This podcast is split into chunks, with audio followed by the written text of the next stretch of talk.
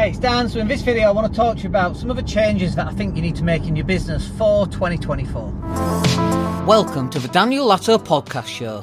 Fresh content covering business, investing, marketing, money, health, and more.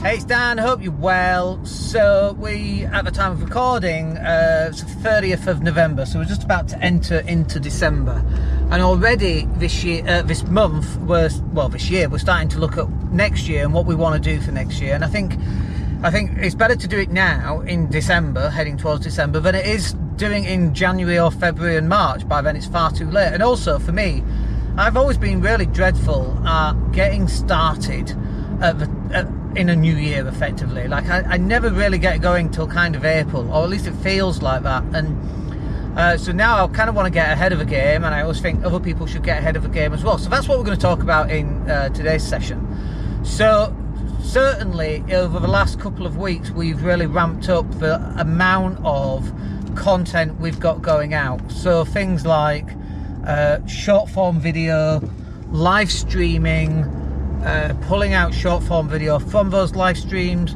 doing videos like this when I'm going A to B. That's worked very well for us in 2023. Uh, CrossFit is just around the corner. It takes about seven or eight minutes. So there's a nice little five minute video in there almost every morning for us to put some more content out. And basically, it's just stuff that's running through my head, stuff I want to verbalize and get out there that I think might actually help help other people. So that's why we do it. And uh, we schedule that content out, and sometimes it gets viewed and sometimes it doesn't. But what we've recognized is that even though our views don't necessarily go up, and they've gone up a little bit, right? But they've not gone up massively. Sometimes they have, sometimes they haven't. You know, when we put shorts out, for example, if we put one short every couple of days, we get more views on those shorts, right? But the views that we get don't translate into business and now we're posting shorts at least three times a day, like on YouTube. Uh, and everywhere else as well, incidentally. But I mentioned YouTube because that's the stats that I'm looking at.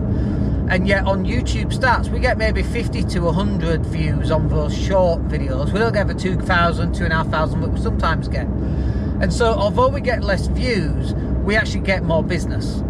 And so, you know, there's this focus on views and engagement and what's the point in doing them unless I'm getting views and engagement? There's no point. And it's just a ridiculous concept because it's not about views and engagement or how many subscribers you've got or how many followers you've got. The ultimate for me is how many people are we getting on a strategy call you know to help them buy whatever it is that we want to buy or to help them out with whatever we want helping with and then how many of those are actually converting into paying customers and really, the ultimate metric in any business is what's your revenue? And what's that looking like? Is that going up? Is it going down? What's the differences?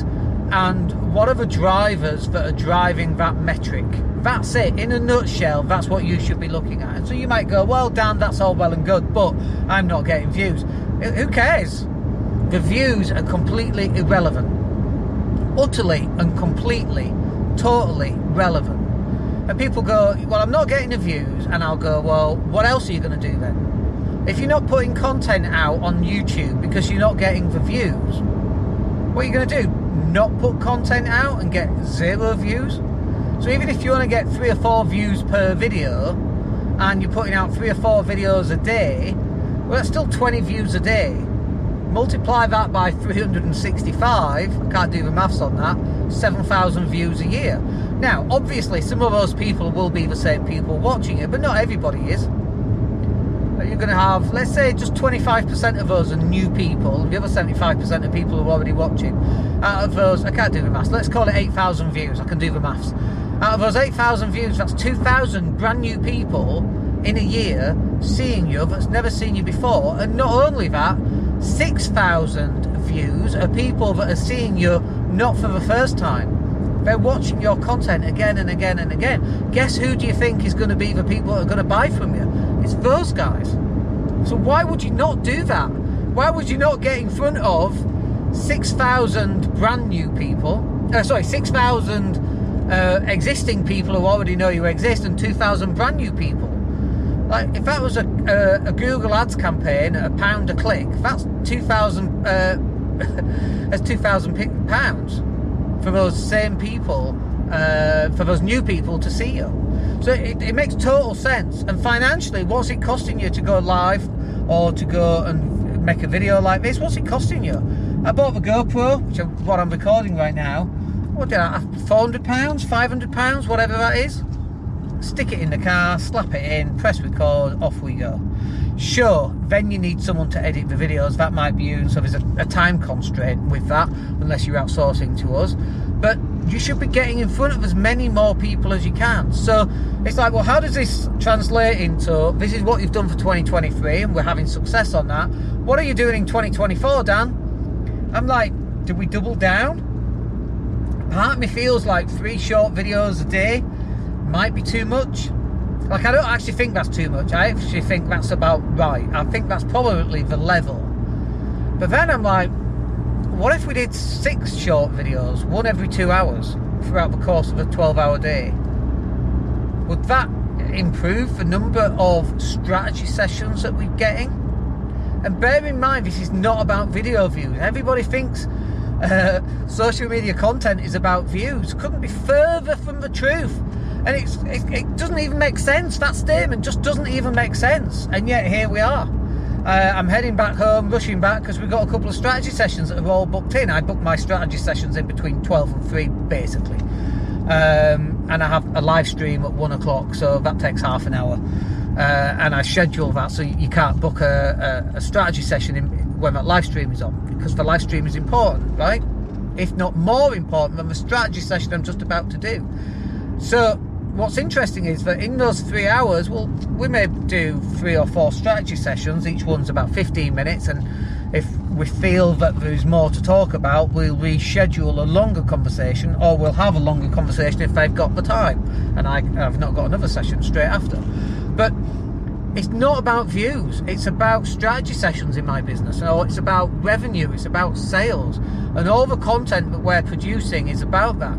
And so, for example, one of the changes we've made in my business to help our clients out is we've recruited an interviewer to go and interview, and we get one or maybe two hours a month, just depends on who they are and what level they're on and uh, how many videos they get each month and so on. But we've paid for and recruited a, an interviewer to do um, interviews which we record. They're not live streamed, we pre record them or we record them and then we can do with that data whatever we want. We might turn them into snippets, we might um, turn it into a podcast that goes onto my podcast, so I benefit as well as the client. They definitely get placed onto the client's um, social media uh, platforms as shorts, you know, one minute or less shorts. And out of that 45 minute, they'll probably get maybe between 10 and 20 shorts, which is amazing. It's exactly what you want. So this is what you should be doing in your business as well. You need to be pushing out more and more content and in fact as much content as you can for 2024 but the nature of the content is changing so before we used to put out a lot of video which was stock footage with a bit of music and some subtitles and yeah we still do some of that by the way but the nature of the content has changed into face to camera like you see me right now subtitles which you may or may not be seeing right now depending on whether we've turned this into a short or not. But that is the type of content that that people are consuming right now.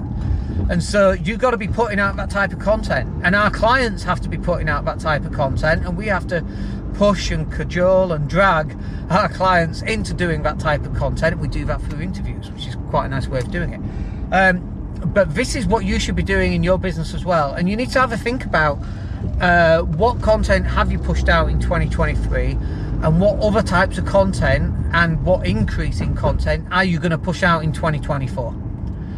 Anyway, I hope that's useful. We're just coming up to the house now, and uh, so we'll call it there. Hope it's useful. We'll catch up with you on the next video. My name's Dan Latto. Have a great day. Take care.